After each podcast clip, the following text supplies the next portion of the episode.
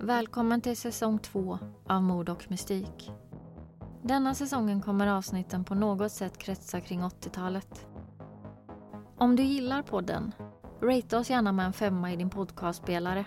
Eller ännu hellre, lämna en recension och tipsa någon om podden. Om du vill rekommendera fall eller komma i kontakt med oss finns vi på Instagram där vi heter Mord och mystik.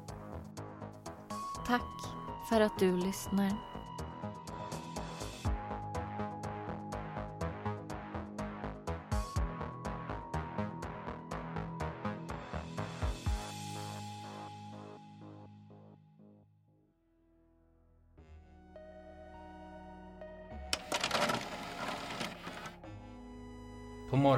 10 juli år 1981 gick en man in till en lokal pub med sin fru. Efter att ha svept en öl på den populära krogen gick de vidare till en affär där mannen köpte ytterligare ett sexpack öl som han tänkte ta med sig hem för att fortsätta kvällen hemma. Sedan gick han och hans fru vidare till deras pickup och startade upp bilen. Sittandes i bilen, som var parkerad utanför den fullsatta puben de besökt tidigare, såg de någon på utsidan, som gick med raska steg rakt emot dem. Mannen bar på ett 22-kalibrigt gevär. Han höjde vapnet och började skjuta mot pickuppen. Sedan flydde han från platsen. Skottlossningen, som skedde mitt på ljusa dagen i centrala Skidmore, Missouri, bevittnades av upp till 60 personer. Men trots det har gärningsmannen förblivit okänd till denna dag. Vilket gör det till ett av de ovanligaste olösta brotten i amerikansk historia. Detta på grund av identiteten på mannen i pickuppen som precis blivit skjuten. Han var nämligen ökänd i Skidmore som en som terroriserat staden och dess invånare under flera år. En översittare som spred rädsla i hela staden. Detta är berättelsen om Ken Rex McElroy.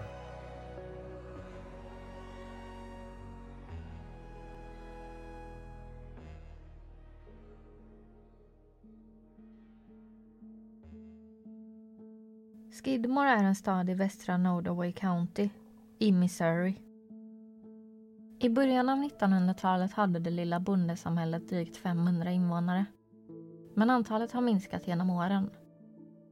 Och vid en folkräkning år 2020 var befolkningsmängden 245. Staden var och är som de flesta mindre städer. Alla känner alla och rykten, skvaller och annan dramatik sprids snabbt genom Skidmore. Samtliga av dessa känner med säkerhet till en specifik person. Ken Rex McElroy. Och förmodligen vet även de flesta vem som låg bakom mordet på honom. Vilket är en av anledningarna till varför detta mord är så fascinerande och toppar de flesta listor av anmärkningsvärda händelser som inträffat under 80-talet. Faktumet att mordet begicks mitt på ljusa dagen, mitt i stan med upp till 60 potentiella vittnen och ändå är det ingen som vet vem som dödade Ken Rex McElroy.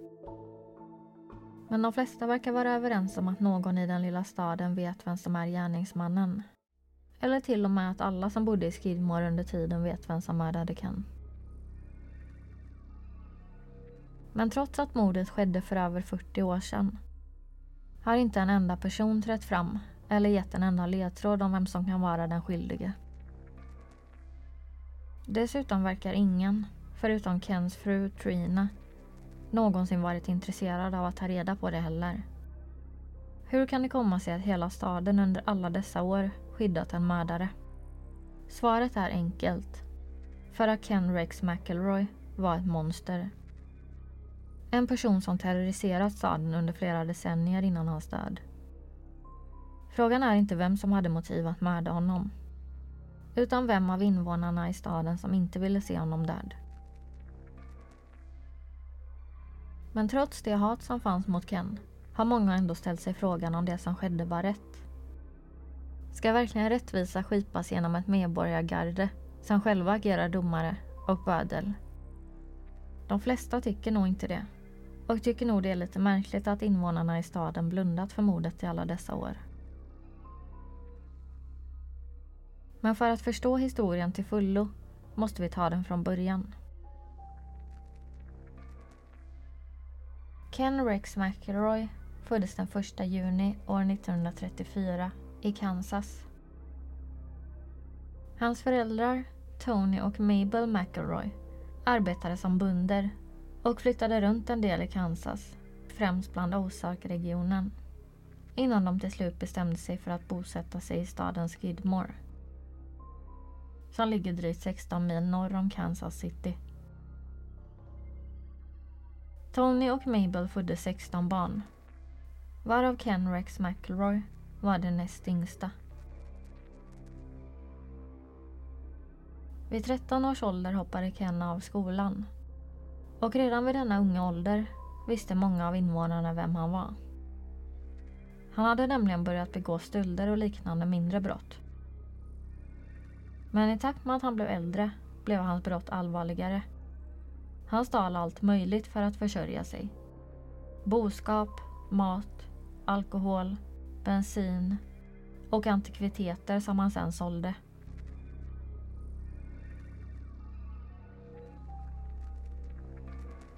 I vuxen ålder hade även få i staden missat att han verkade bete sig olämpligt mot unga flickor. Av denna anledningen var det många föräldrar i staden som inte vågade släppa ut sina döttrar ensamma. Trina McLeod var en flicka i 12-årsåldern som var en av få unga flickor vid denna tid som fick vistas ensam utomhus.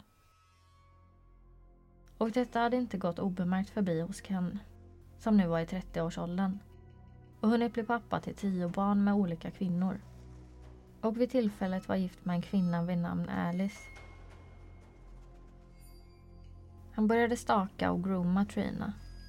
Och vid flera tillfällen ska folk ha sett honom köra efter skolbussen hon färdades på. Och genom att tuta och skrika tvingat busschauffören att släppa av henne och åka med honom i hans bil istället. Det var vid ett av dessa tillfällen, när Ken tvingat Trina att åka i hans bil, som han våldtog den unga flickan. Vilket han sen fortsatte att göra regelbundet under flera års tid. När Trina var 14 år blev hon gravid. Vilket gjorde att hon hoppade av skolan och flyttade in hos Ken och hans dåvarande fru Alice. Att Trina blivit gravid oroade Ken eftersom det bevisade det faktum att han våldtagit en minderårig. Så Trina fick sällan lämna parets gemensamma hem. 16 dagar efter Trina fött Kens barn flydde hon och den nyfödda sonen. Tillsammans med Kens fru Alice till Trinas föräldrar då Ken varit hotfull i hemmet. Ken förstod snabbt vart kvinnorna och hans son hade gömt sig han tog med sig en pistol och åkte dit för att tvinga dem att återvända till honom. När han anlände till huset var Trinas föräldrar inte hemma. Han tvingade med sig Alice, Trina och sonen, sköt familjens hund och brände sedan ner hela huset som hämnd för att föräldrarna hade låtit dem gömma sig där. Några dagar efter detta skulle det nyfödda barnet in på en rutinkontroll hos det lokala sjukhuset dit Trina tog honom. Vid besöket tyckte personalen att hon betedde sig nervöst och märkligt och anade att allt inte stod rätt till. Till slut brast det för den unga flickan och hon började berätta sin historia. Hur Ken hade våldtagit henne under flera års tid och till slut gjort henne gravid. Att hon och hennes son nu bodde hos Ken och hans fru under hot och att hon försökt fly men att det resulterat i att han blivit så arg att han skjutit hennes föräldrars hund och bränt ner deras hus. Myndigheterna kopplades omedelbart in och Trina och hennes son placerades i ett fosterhem.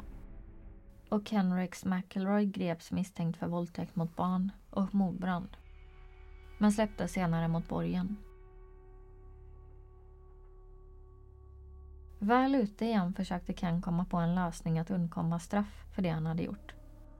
Han kontaktade en advokat, Richard Jean McFadden, som var välberyktad och som vissa hävdar även representerade vissa inom maffian.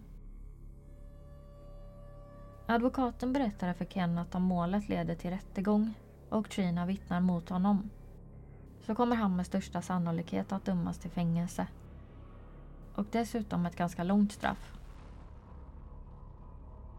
Ken ville inte åka i fängelse och tänkte att det lättaste sättet att undvika att Trina skulle vittna mot honom var att få henne att inte våga. Han tog reda på vart Trina var fosterhemsplacerad och började sedan sitta utanför hemmet i sin bil, stirrandes mot huset. Vid ett tillfälle ska han även ha hotat fosterföräldrarna att kidnappa deras biologiska dotter, som också bodde i hemmet. Polisen kontaktades, men de sa att Ken faktiskt inte har begått något brott så länge han bara satt i sin bil utanför huset och att de därför inte kunde göra något. Samtidigt som Ken fortsatte sina försök att skrämma Trina och fosterfamiljen ägnade sig Kens storstadsadvokat åt att försöka förhala rättegången genom olika kryphål i systemet han kände till. Han ansökte flera gånger om att byta plats för rättegången och att dela upp Kens mål i flera separata rättegångar istället för bara en som tog upp samtliga åtalspunkter.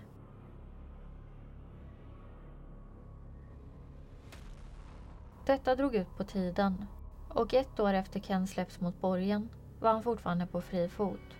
Och han hade spenderat all denna tid på att staka och hota Trinas fosterfamilj och att försöka nästla sig tillbaks i Trinas liv. Detta verkade ha lyckats, för en dag berättade Trina för fosterföräldrarna att hon ville flytta därifrån. Hon påstod att hon ville bo hos sin mormor, men familjen misstänkte att hon planerade att återvända till Ken. Men trots misstankarna fanns det inget de kunde göra. Trina hade laglig rätt att lämna fosterhemmet om hon ville. Och så blev det. Samtidigt hade Ken fått en ny idé. Om han gifte sig med Trina kunde hon inte tvingas att vittna mot honom. Ken skilde sig därför från sin dåvarande fru Alice. På grund av Trinas unga ålder var Ken tvungen att få hennes föräldrars godkännande till äktenskapet. Trinas mamma var dock för rädd för Ken för att säga nej när han frågade. Så vid 15 års ålder, år 1974, ägde bröllopet rum. Och strax efter det kontaktade Kens advokat domstolen och meddelade att deras vittne i den kommande rättegången nu var Kens fru och därför inte kunde tvingas vittna vilket ledde till att åtalet lades ner och Ken gick fri från våldtäkterna och mordbranden. När Ken fick reda på att åtalet mot honom lagts ner blev han stolt. Han kände sig oövervinnlig. Han hade lyckats. Ingen i Skidmore kunde stoppa honom, inte ens myndigheterna. Vid det här laget hade invånarna i Skidmore insett att även poliserna i staden var rädda för Ken McElroy.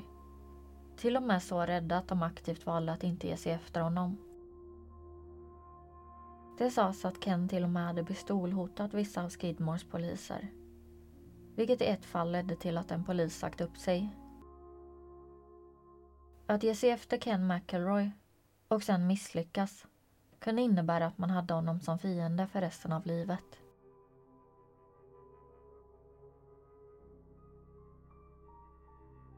Ken var närmare 185 centimeter lång och vägde över 120 kilo. Så bara synen av honom var tillräckligt för att göra många av invånarna rädda.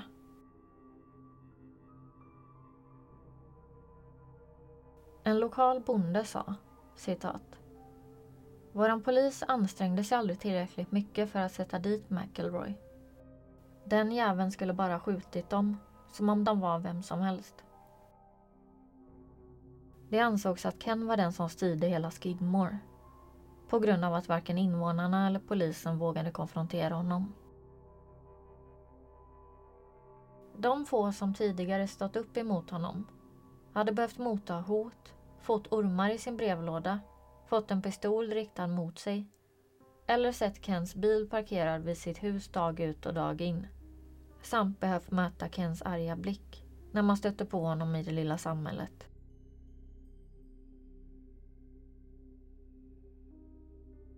I juli år 1976 hörde en bonde i Skidmore vid namn Romaine Henry att det avlossade skott ute på hans gård.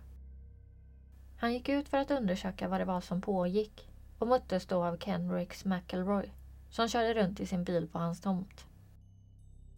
Romaine valde att gå fram till Ken och fråga vad han höll på med. Konfrontationen ledde till att Ken tappade humöret och sköt Romaine två gånger. Ett skott träffade honom i magen och det andra rakt i huvudet. Mirakulöst nog överlevde Romaine skjutningen och Ken greps för mordförsök. När Kens advokat fått reda på vad som hänt påbörjade han sin vanliga taktik. Att förhala rättegångsdatumet så att Ken kunde betala borgen och fortsätta vistas ute i stan. Till slut var det dock dags för rättegång. Där bonden Romain själv berättade vad som hade hänt den dagen Ken skjutit honom. Två grannar kallades av åklagaren. De hade hört skottlossningen och sett Ken köra iväg från platsen. Kens försvar bestod av två jägare som hans advokat hade lyckats kalla in. De påstod att Ken var med dem på deras tvättbjörnsjakt under dagen för skottlossningen, vilket gav honom alibi för händelsen. Till Skidmorebornas förvåning valde juryn att gå på försvarets linje och Ken Rex McElroy lämnade domstolen samma dag som en fri man. I efterhand har det spekulerats kring att någon eller några av jurymedlemmarna kan ha hotats av Ken. Men detta har aldrig kunnat bekräftas. Efter att han klarat sig undan helt utan straff i två rättegångar ökade Kens självförtroende än mer.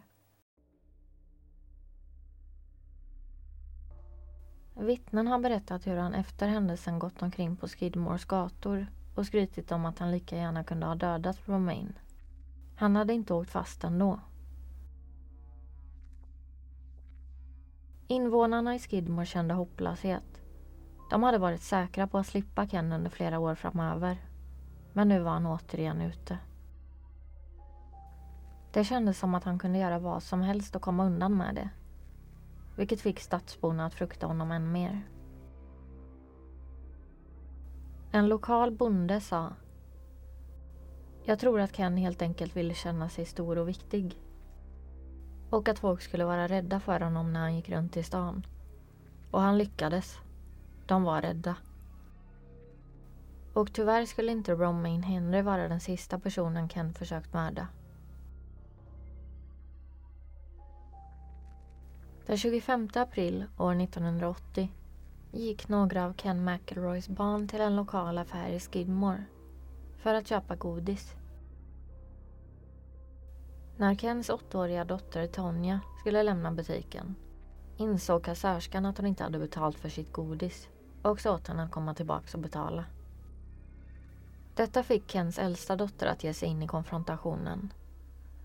Hon blev så arg att hon skrek och svor åt kassörskan och sa att hon och hennes familj aldrig skulle handla i affären igen. Något som butiksägarna Lois och Bo Bowenkamp inte hade något emot. Och strax efter konfrontationen lämnade McElroy-barnen butiken.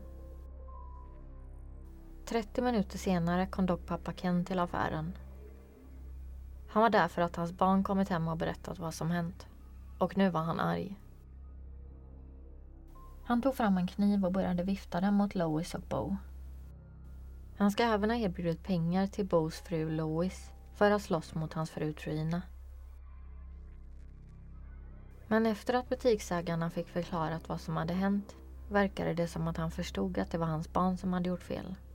Och han lugnade ner sig, stoppade undan kniven och lämnade butiken. Men senare på kvällen när Lois och Bo Camp återvänt hem från jobbet såg de till sin skräck att Kens bil stod parkerad utanför deras hus. Det visade sig att Ken inte alls lugnat ner sig utan sett hela situationen i affären som en förolämpning mot honom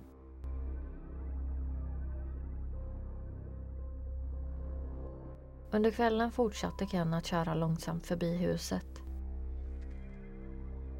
Kommande veckor kunde Bo och Lois se Kens bil utanför deras hus, både dag och natt. Paret ringde polisen, som kom dit för att prata med dem. Men de fick höra att så länge Ken bara befann sig på platsen begick han inget juridiskt brott och det fanns därför inget de kunde göra.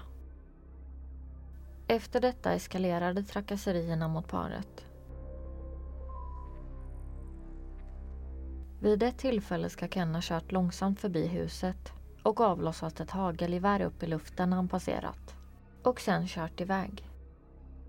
Detta anmäldes också till polisen men utredningen lades ner då det inte riktigt fanns några bevis mer än parets egna iakttagelser. Polisen försäkrade Bo och Lois om att det bara var tomma hot och att inget allvarligt skulle hända.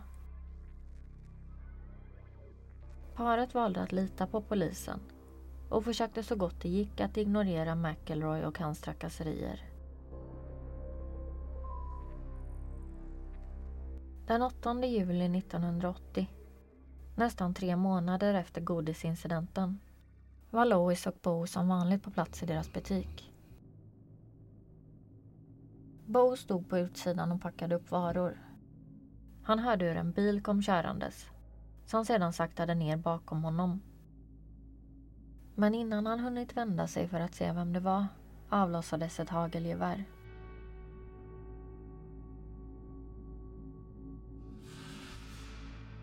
Skottet gick rakt igenom 70-åriga Bos nacke. Han fördes akut till sjukhus och efter att ha fått intensivvård för sina skador under tio dagar visade det sig att han mot alla odds skulle överleva. Ken Rex McElroy greps. Men i förhör menade han att han hade skjutit Bo i självförsvar. Att den 70-åriga butiksägaren hade viftat med kniv mot honom och att han därför avlossat ett hagelgevär. De invånare i Skidmore som visade sitt stöd för Bo och Lois möttes av McElroys hotfulla blickar, stalking och anonyma telefonsamtal.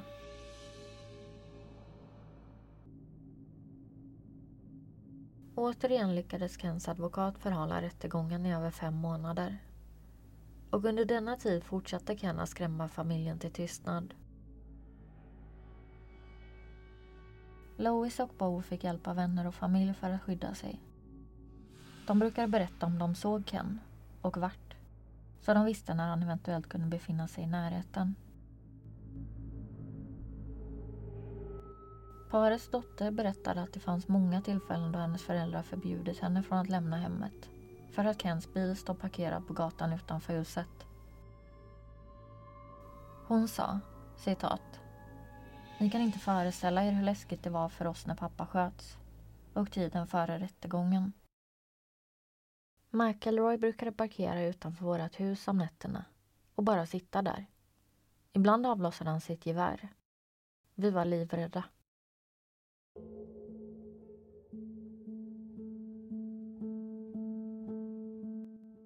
Den 25 juni år 1981 inleddes rättegången för mordförsöket på Bo Bowenkamp. I rättegången berättade Bo om konflikten han haft med Ken och trakasserierna som pågått, både innan och efter mordförsöket på honom. McElroy förnekade inte att det var han som hade skjutit Bo, men menade att han gjort det i självförsvar.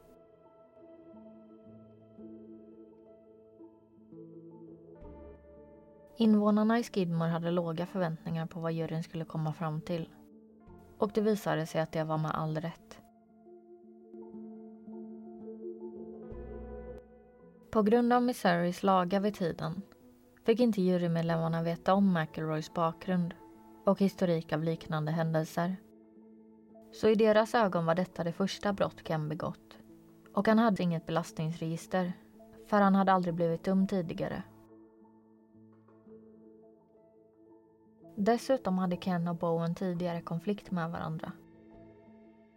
Och Bo hade ju packat upp livsmedel där vid butiken. Så vad säger att Bo inte hade en kniv i handen? Och vad säger att det inte skulle varit så att McElroy faktiskt skjutit i självförsvar? Juryns beslut blev det alla befarat. Ken McElroy dömdes visserligen, men bara till två års fängelse för grov misshandel. Och efter straffet meddelats släpptes Ken mot borgen i väntan på att straffet skulle verkställas. Vilket var en 25 dagars period som han enligt lag hade på sig att överklaga domen. 25 ytterligare dagar som Ken hade på sig att trakassera och terrorisera invånarna i Skidmore. McElroy själv kommenterade domen. Juryn fann mig skyldig och gav mig två år. Men vet ni vad? Jag kommer aldrig åka i fängelse. Jag kommer överklaga och gå fri.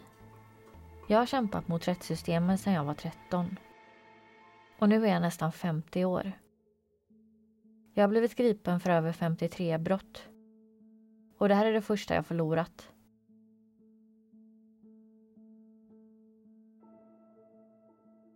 De fall som vi tagit upp gällande vad Ken McElroy gjorde mot Trina och familjen Bowen Camp var bara två av de 21 åtal som Ken dragit på sig genom livet.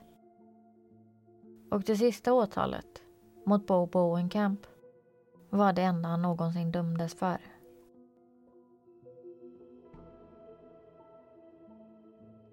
Detta fick invånarna i Skidmore, Missouri att inse att rättssystemet inte skulle rädda dem från Ken McElroy.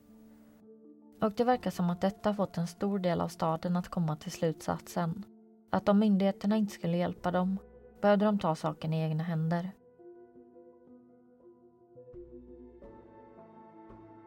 Några veckor efter domen fallit mot Ken satt han på en lokal pub.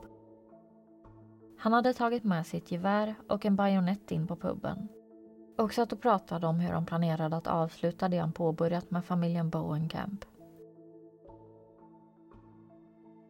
En man vid namn Pete Ward var också på puben och hörde vad Ken sa. Han bestämde sig för att han och hans söner tillsammans med några andra han kände i staden tillsammans skulle försöka skydda Bo och Lois mot Ken McElroy. Detta planerade de att göra tills Ken åkte in vilket skulle ske fem dagar senare, den 10 juli 1981. Den 10 juli anlände, men istället för att polisen hämtade in Ken McElroy fick invånarna i Skidmore veta att processen skjutits upp till den 20 juli på grund av att McElroy hade varit beväpnad offentligt och att han därför skulle förhöras om detta tio dagar senare. Och fram tills dess fick han vara på fri fot. Detta för oss tillbaka till dagen i juli år 1981.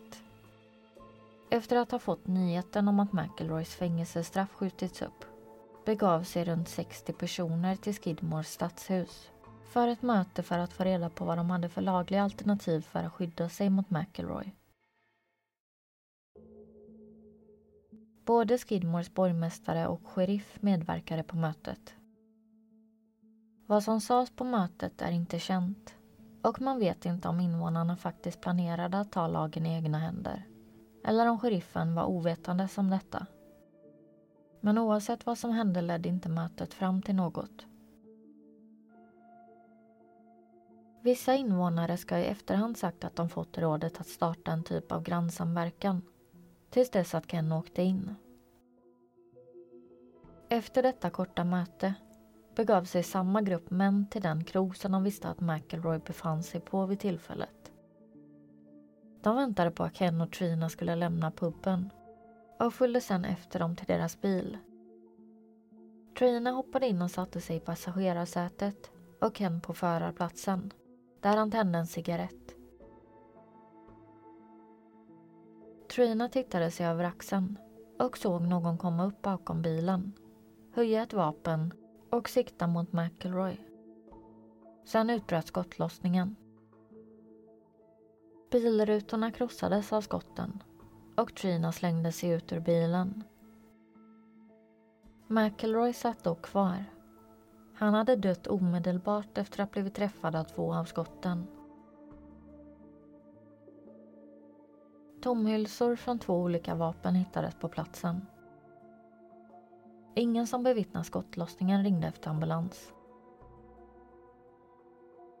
Efter mordet tog polisen in några av de som befunnit sig på platsen vid tiden för skottlossningen.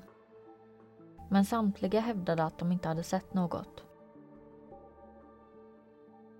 Cheryl Houston, Bob Bowenkamps dotter, såg skottlossningen från familjens affär och har i efterhand kommenterat händelsen. När tystnaden fallit efter det att skotten ekat var det ingen som sa något. De kunde pressa oss hur mycket som helst och ändå inte få ut något. Vi var så bittra och arga över att lagen hade övergivit oss. Det krävdes att någon av oss tog saken i egna händer. Ingen hade någon aning om vilken mardröm vi levt i. Då Skidmore var så pass litet tänkte polisen att folk kanske inte ville prata med polisen öppet. För att rykten om att man i så fall samarbetar med polisen skulle spridas fort. Därför upprättade polisen istället en tipstelefon dit folk kunde ringa in sina iakttagelser. Men ingen har någonsin ringt. I den efterföljande utredningen var det bara en person som var misstänkt för att ha skjutit McElroy. En person som Trina pekat ut. Del Clement. Polis och åklagare utredde om det fanns tillräckligt med bevis för att åtala honom. Men då det bara var Trinas vittnesmål som pekade ut Clement ansåg de att det var för svagt för att åtala honom.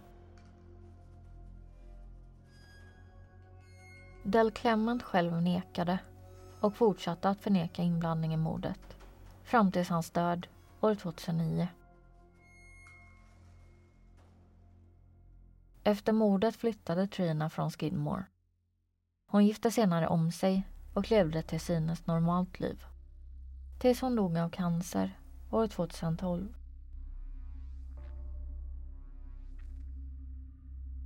Joyce Monty, dotter till Bo och Lois, kommenterade Kens död och sa citat när en person släpps lös av domstolarna och får gå tillbaka till samhället. Vilka tillvägagångssätt har medborgarna i samhället? Jag tror inte att det fanns en konspiration för att döda Ken McElroy. Jag tror att händelserna som ledde fram till hans död var tillfälligheter som till slut tog ut sin rätt när han kom till stan den dagen och agerade som han ägde platsen. Folk hade fått nog. Rättvisa skipades äntligen. Det var inte på det sätt som de flesta av oss skulle ha velat. Men ibland måste man bara ta det man får. Och vara nöjd med det. En författare vid namn Harry MacLean som skrivit boken In Broad Daylight som handlar om mordet på Ken McElroy menar att han inte tror att det var ett planerat mord utan han tror att det var en impulshandling av en eller flera invånare och att resten av staden valde att stå bakom dem genom att vara tysta om det de sett.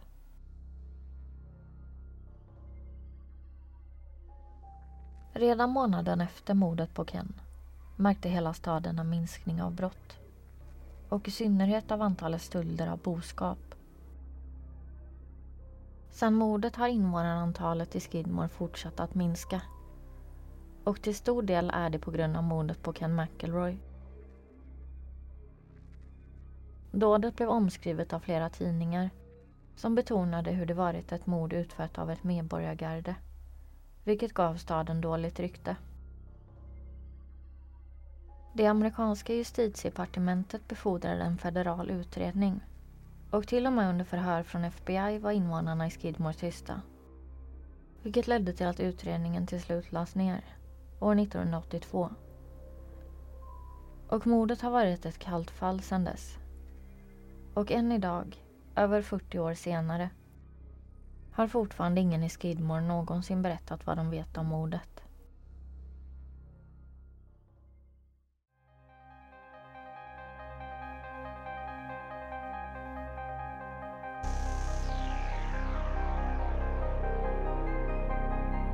Du har lyssnat på Mord och mystik Hoppas du gillat avsnittet.